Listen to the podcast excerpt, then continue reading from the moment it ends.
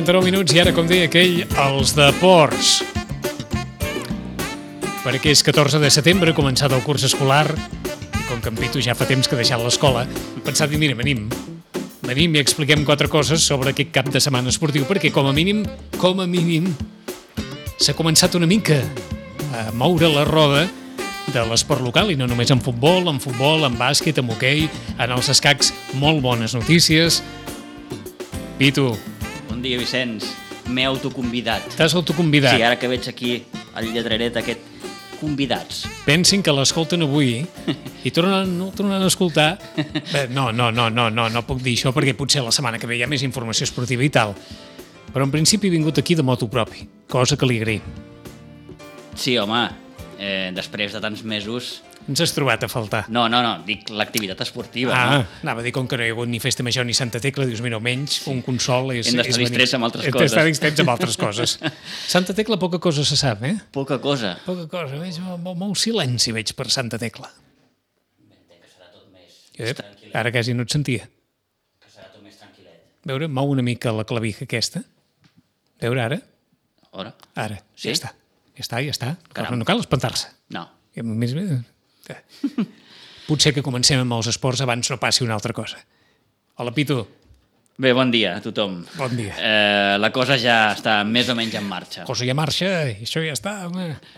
Hem estat a Aigua Dolça aquest cap de setmana, tant dissabte com diumenge.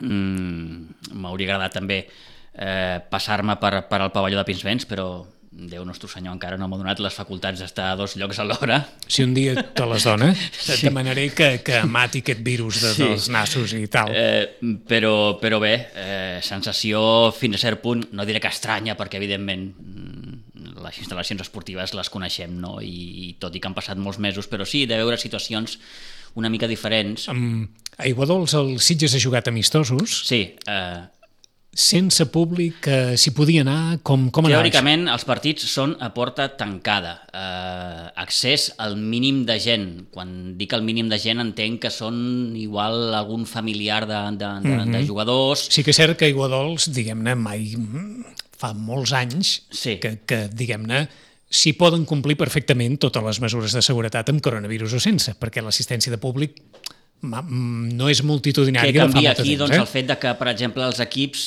en comptes de situar-se a la zona de les banquetes, se situen a la grada directament. És a dir, els, els reserves eh, i els tècnics, i el cos Sí, tècnic, sí. està a la grada no ocupen les banquetes, perquè clar, la distància que hi ha a les banquetes és, és mínima i per entenc, tant no es entenc Pitu, compleixen la, les mesures. la part baixa de la grada o, Sí, sí, o més la amunt? part baixa, la part baixa de, la, de, la, de la grada, se situen allà i, i bé, mm, eh, pel que sabem també eh, el, han d'anar, els jugadors han d'anar entrant eh, per grups, no tots a la vegada, al vestidor tampoc eh, poden entrar tot l'equip, ho han de fer en blocs de 6, en fi, que les mesures mm, d'entrada són aquestes. Sí, si sí. canviaran o no a mesura que passin les setmanes o els mesos, mm, no ho sabem. Mm, Per exemple, les xerrades que fan els entrenadors prèvies als partits no es fan a l'interior del vestidor, evidentment. Però clar, ahir ens deia el Manel Rodríguez, clar, què passarà a l'hivern? A l'hivern també haurem d'estar allò a l'intempèrie. Sí, sí. Eh, mm, clar, són... són... I això ho diu en Manel, Sí, sí. que com la majoria d'esportistes els ha viscut de tots colors. Clar, clar, clar, Després clar, El, el discurs en veu alta és no, no, és que la canalla d'aprofitar els espais a la bé, la canalla. La canalla i la no canalla. Si els grans Sí, sí. diuen que evidentment a l'hivern i el nostre hivern és l'hivern que és, evidentment, clar, cap de setmana venia molt de gust estar allà... eh, Exacte. ahir El primer equip jugava a les 8 del vespre i el partit va acabar a vora les 10. Vull dir, feia caloret, Sí, sí. s'estava bé. Sí, Vull dir que no sí. hi havia cap problema en aquest sentit. però no? d'aquí dos mesos ni a les 6 de la tarda. Però clar, eh, Ahà. això es pot, es pot complicar en aquest sentit. Vinga, comencem per aquí. Comencem per aquí, comencem pel futbol perquè el, el primer equip de la Unió Esportiva Sitges eh, ja va jugar un primer amistós el dijous de la setmana passada, ho va fer al Camp del Ribes, va perdre 2 a 1. Aquí eh, deixem una miqueta de banda els, els resultats. Eh? Ahir va tornar a jugar, ho va fer davant l'equip B del, del Prat, va guanyar 2 a 0, dos gols que va marcar eh, Víctor eh, Morillas, mentre que el segon equip eh, també ha jugat ja els seus primers amistosos. Eh, dissabte va jugar davant la Joventut Bisbalenca, va perdre per 1 a 3, i ahir ho va tornar a fer davant el juvenil del Prat i va perdre per, per 2 a 3. Eh, si et sembla, Vicenç, escoltem els entrenadors. Feia molts mesos que no parlàvem amb ells, tants com sis, clar, passat, ha passat mig any. Sí. Ha passat mig és que any. avui, avui portem sis mesos de l'estat d'alarma. Clar, d'aquella nit en la qual el president del govern va decretar l'estat d'alarma. Han passat sis mesos. Uh -huh. I, I bé, més enllà de, de preguntar sobre el partit, perquè clar, poques conclusions uh -huh. pots treure... Mm... Com els has vist? Estan igual, més o menys? Bé, sí. El, el primer equip el vaig veure bastant, bastant bé. El segon equip sí que tenia bastantes baixes. Mm, el Dani Pujol va haver de tirar d'un equip amb 14-15 jugadors, per tant li faltaven bastants, bastants efectius, però bé, anem a pams. El primer equip, eh, com dèiem, ahir va jugar davant el segon equip del Prat, va guanyar 2-0 gràcies a aquests dos gols de Víctor Morillas, i en acabar parlàvem amb en Manel Rodríguez, bàsicament, repeteixo, preguntant per sensacions, les que tenia ell personalment després de tot aquest temps aturats i després del partit d'ahir. Bueno, Manel, bona nit. Eh, D'entrada content de, de retrobar-te. Ha passat mig any. Igualment. És, és, és molt bèstia, això, eh? Sí, sí, és una sensació molt rara i molt difícil de, de inclús mires enrere i bueno, quan ho veus dia a dia doncs no te'n dones tanta compte, no? però realment això dintre d'uns anys ho pensarem i direm, joder, quin, quin moment tan difícil ha sigut aquest, sí. Eh, et pregunto per les sensacions que has tingut tu personalment, sí que veniu de jugar dijous a Ribes, però, però avui aquí a Aiguadols, després de tant de temps, sí que la situació ha canviat perquè mm, tot és, mm, vaja, és, és diferent, si, si, si es pot dir d'alguna manera. Com, com t'has sentit, Manel? Bueno, bé, l'equip ja veus que més o menys intentem jugar bé, intentem jugar a futbol, estem molt motivats aquest any perquè pensem que si es dona una temporada més o menys normal, que això també està per veure, però pensem que podem tenir opcions reals de pujar i amb això, amb aquesta idea estem fent a l'equip i bueno, hi, ha, hi ha molta il·lusió. Hem, hem fitxat sobretot a darrere, que és el més vam patir l'any passat, que vam patir molt, i, i, bueno, ha el, i una miqueta la carta del Víctor Morillas, que jo penso que li dona un plus de qualitat a l'equip. També és cert que la baixa de dobles, per una altra banda, doncs, també, ens, també, ens, també ens treu una mica de força davant amb el tema del gol, però content per la plantilla que tenim, jo penso que tenim un bon equip i hi ha molta il·lusió, gent, hem incorporat gent jove, el Marc Prat, que està donant molt bones sensacions, el Gonza, l'Àlvaro Montesinos, bueno, hem, hem fitxat bé i penso que on feia falta una plantilla àmplia perquè la temporada és llarga i passen moltes coses que potser aquest va ser el nostre hàndicap l'any passat que ens va faltar una miqueta sobretot a darrere una miqueta de, de fons d'armari i, en, i aviam què passa. Eh, la temporada passada va acabar com va acabar. Mm. S'us presenta una nova oportunitat, Manel, en aquesta nova temporada que esperem que tot vagi més o menys normal i en la que pujar encara serà més complicat. Eh, com, com, com veus aquesta, aquesta nova lliga, aquesta primera fase en la que haureu d'estar molt, molt afinats, però imagina't la segona, en la que només puja un. Ja. Tu ho has dit, és, és una... Eh, serà una temporada molt difícil i, i no solament això, sinó que es poden suspendre partits, poden haver situacions que no pots controlar i que no saps, millor hasta el mateix dia del partit. Mm no sé, eh, al final jo crec que a lo millor en aquestes circumstàncies és anar partit a partit, anar dia a dia, anar veient el que va passant i, i nosaltres sabem que el dia de partit hem de guanyar i tot passa per guanyar cada setmana si es pot i, i, i, bueno, i amb aquest plantejament i amb aquesta idea començarem i intentarem acabar. Què és més difícil que altres anys? Sí, la veritat és que sí, però és el que és i no, no podem fer res.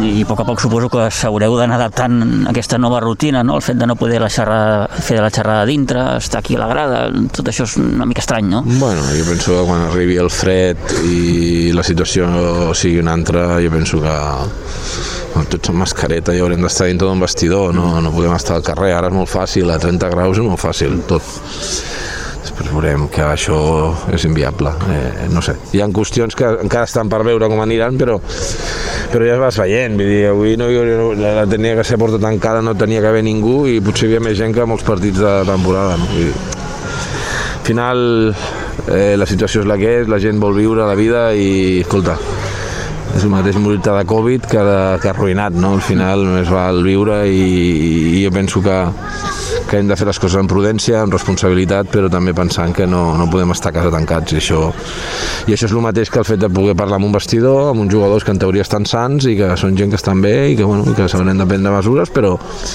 però les necessàries dintre d'un context normal, de normalitat, que es pugui dir normalitat, però d'una normalitat diferent, però d'una normalitat. No podem fer les xerrades al carrer. Uh, faig l'última, semblava que aquest dia no havia d'arribar mai.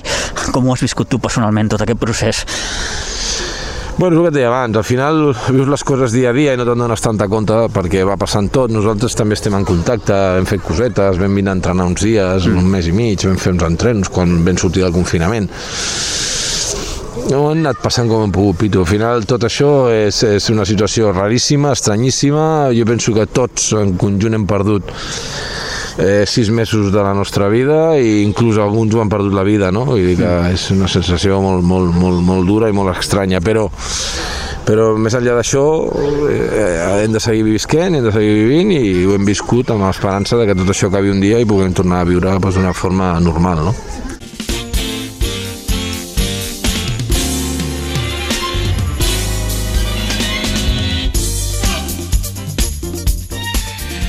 Manel Rodríguez, Sí, i, com I, deia, I aquesta reflexió, doncs, que hem cal perdut, seguir.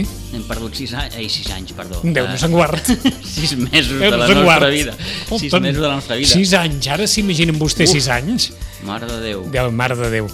Sí, sí. Sis mesos.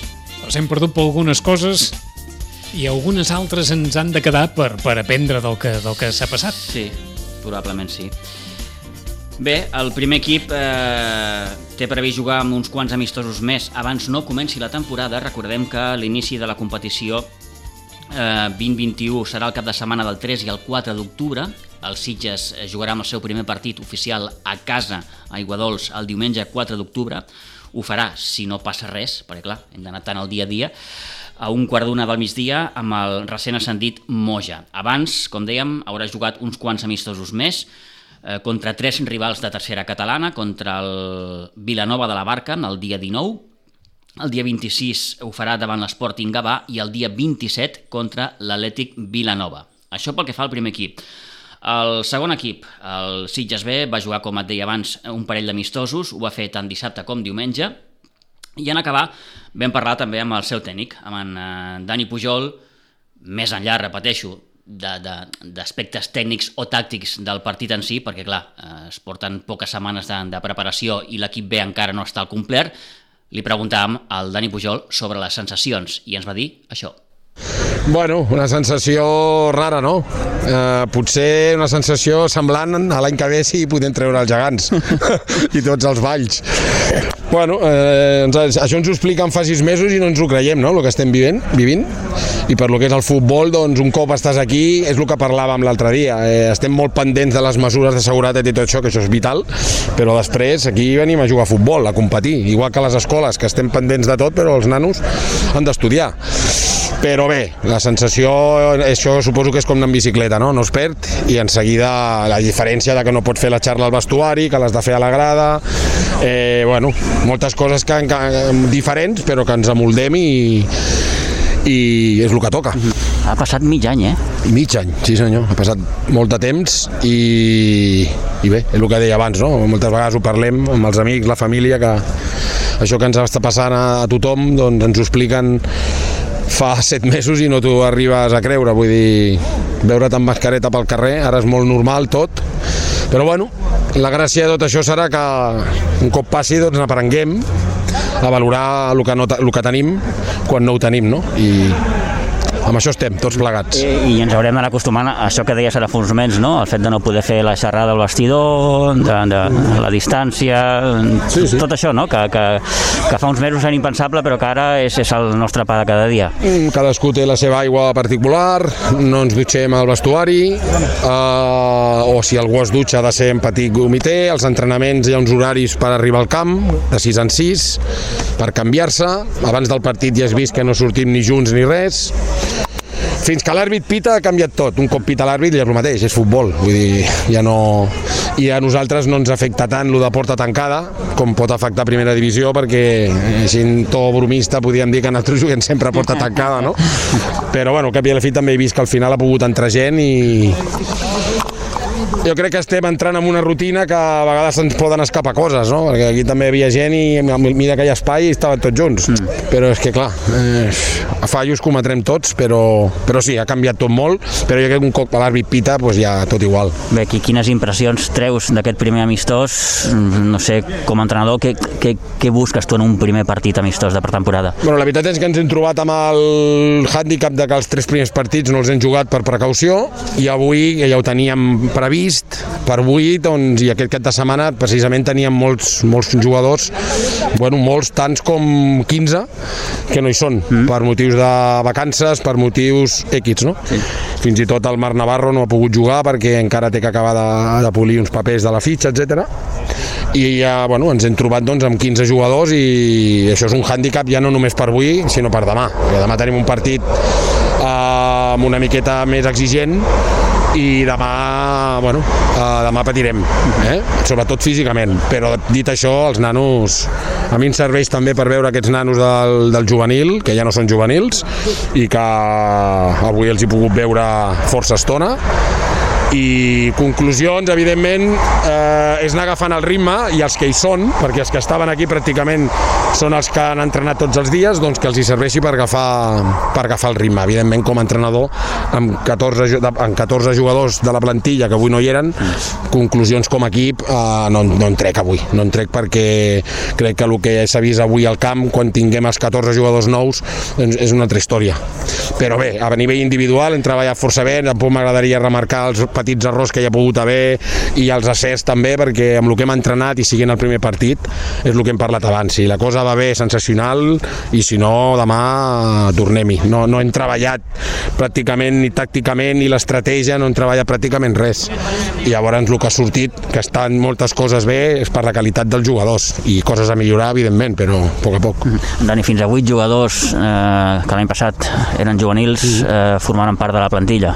Eh, això dona a entendre que serà un planter molt jove. Sí, la veritat és que sí. Eh, bueno, tenim, hem de partir de la base de que, de que ara, ara mateix són 29 jugadors eh? i llavors aquesta pretemporada la utilitzarem entre altres coses per confeccionar una plantilla de 21-22 vull dir, hi haurà algun jugador doncs, que no, no per la qualitat possiblement però no hi ha espai eh, però ens hem trobat amb la columna vertebral pràcticament de l'any passat més els juvenils que crec que es pot demostrar aquí la bona feina del futbol base, que 8 o 9 jugadors pugin a, ja al, al filial i a partir d'aquí, evidentment, hem de, fer un, hem de confeccionar una plantilla. Nosaltres som el filial, també els jugadors del primer equip que necessitin agafar minuts durant la temporada o les surtin de lesions també han de jugar, no podem tindre una plantilla de 29. Vull dir, al final en quedaran 21-22 i amb els que no hi contem pel que sigui, doncs, bus eh, procurar buscar-los una bona, una bona sortida, si és el cas. Queda menys un mes per, per l'inici de la competició, en debuteu a Vilanova del Camí, si no m'erro, sí.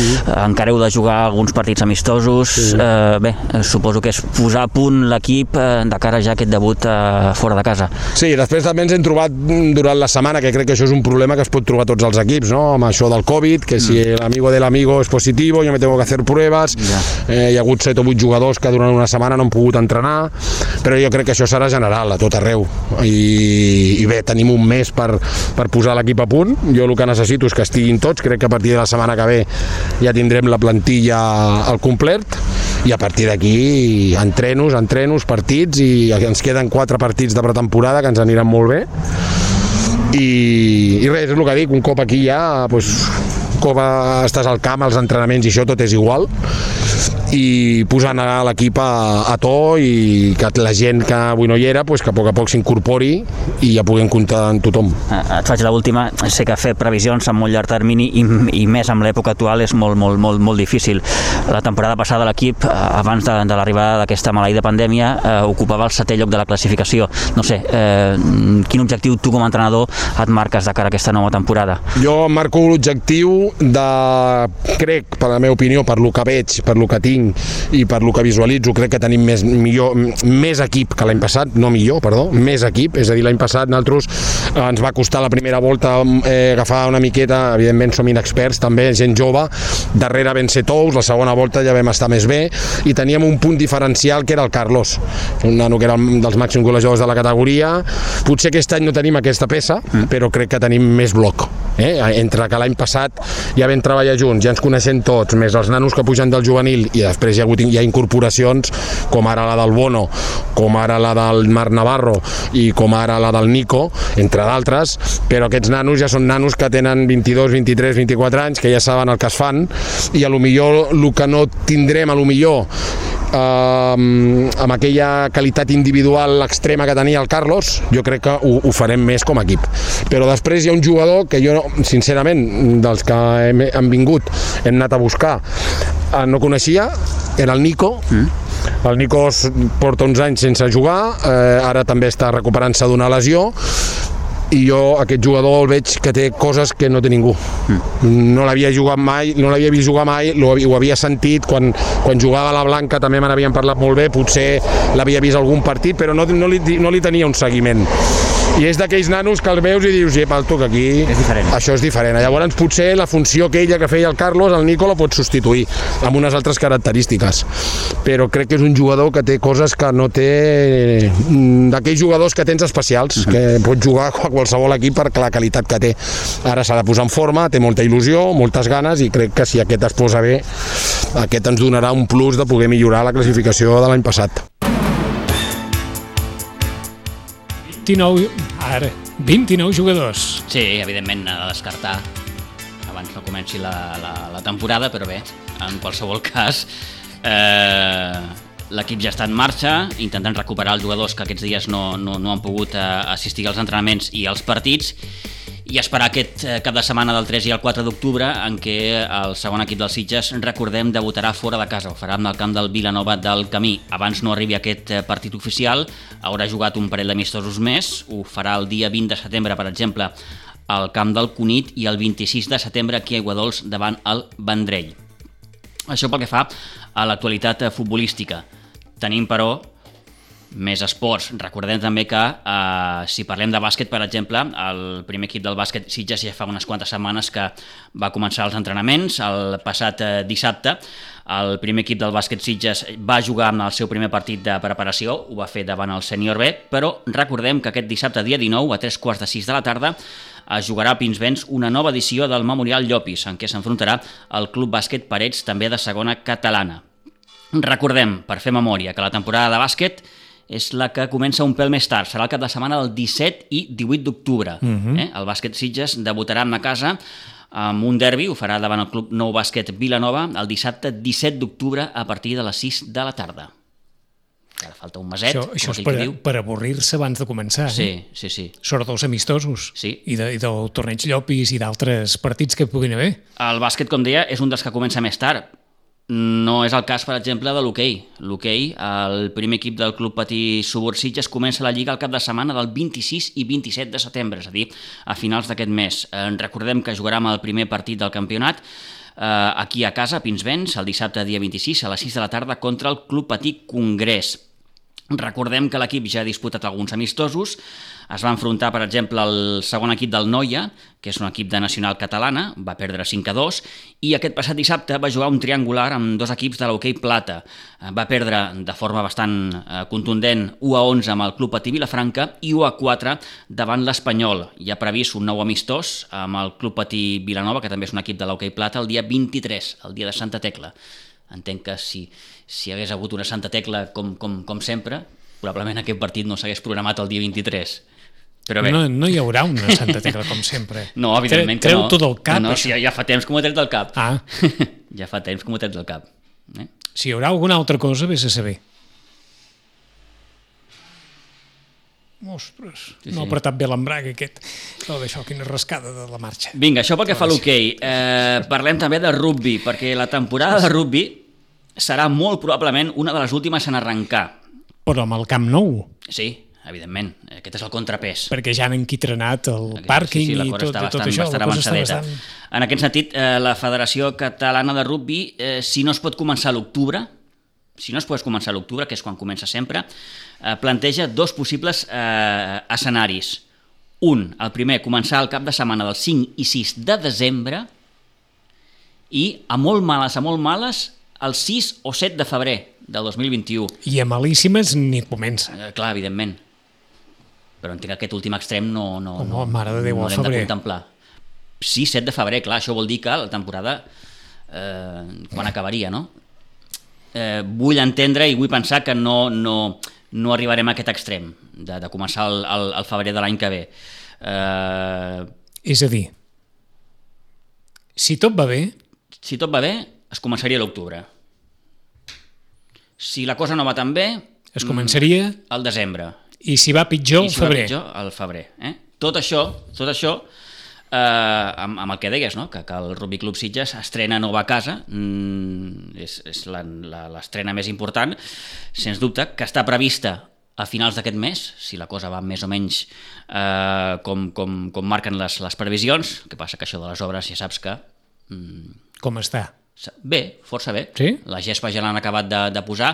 No han posat encara els, els pals, però, però tant la grada com, com el que és el, el terreny de joc està, està força, força avançat. És bonic? És bonic, és bonic. Eh, els camps, quan, quan són nous, fan, fan molta Sí, això és, veri això és veritat, també. Eh, un detall maco és que els seients són de color blau i verd, que són els colors del Rugby Club Sitges. Ah, Per tant, és un, és un element significatiu eh, que, que, que Home, simbolitza doncs està els colors molt del... bé. Sí, sí, Sí. és, és un camp molt, molt, molt, molt bonic. Eh, una altra de les novetats, més enllà de l'estrena del camp, és que el Rugby Club Sitges eh, estrena una nova, una nova secció d'hoquei, mm? que començarà inicialment amb jugadors eh, jovenets, de 5 a 12 anys. A partir d'aquí, com, com es dirà? Rugby Club Que- Sitges, sí, sí, sí, sí, l'equip d'hoquei del Rugby Club Sitges. D'acord. Eh? Esperem poder-ne poder parlar properament, però d'entrada es començarà amb els jugadors més, més petits. Sí, hoquei... Herba. Sí, sí, hoquei herba. No, no sobre patins, no. És a dir, ni sobre patins ni sobre gel. Sobre gel encara menys, eh? sobre hoquei herba. Hoquei herba, hoquei herba. Uh, I acabem amb escacs, perquè uh, Oh, no sé si Sitges hi havia hagut mai un equip d'hoquei herba. jo no recordo. Bé, perquè no hi havia herba tampoc als camps. Mm. Sí, sí, abans era terra. Abans era terra. Sí, sí. Hoquei terra encara no l'he vist. Uh, Jo no ho recordo, eh? D'acord, perquè és, veus, serà, Sí. bonic, hi haurà un equip d'hoquei herba i, i òbviament els equips de- d'hoquei pista, d'acord. Res, tanco el parèntesi. Acabem amb escacs, Vicenç, eh, perquè la Martina Lázaro es va proclamar campiona de Catalunya en la categoria sub-10. De fet, va revalidar el títol en quedar en novena posició del Campionat de Catalunya que es va disputar la setmana passada a Salou. Eh? Mm, Una Martina Lázaro que, recordem, ja havia aconseguit quedar sotscampiona d'Espanya el passat eh, juliol. Molt bon paper també, eh, més enllà d'aquest triomf eh, particular de la Martina, de la resta de jugadors de la penya d'escacs, eh, d'aquest planter tan, tan, tan maco que té a dia d'avui la penya d'escacs del Prado. El Martí Marín, que va obtenir el setè lloc, també de la categoria sub-10, Leo Garner i els debutants més jovenets, en Pepe Vilalta i l'Aaron Herter, que van debutar en la categoria sub-8. Per tant, molt bons resultats, més enllà, com dèiem, d'aquest títol de campiona de Catalunya de la Martina Lázaro. 10 i 7 minuts. Fins aquí hem arribat, de moment. Eh? Quan tornaràs? Mm, No sé, quan em torni a autoconvidar. Ah, estupendo. A Televitum. Sí, sí. Pitu, gràcies. Vinga, fins la propera.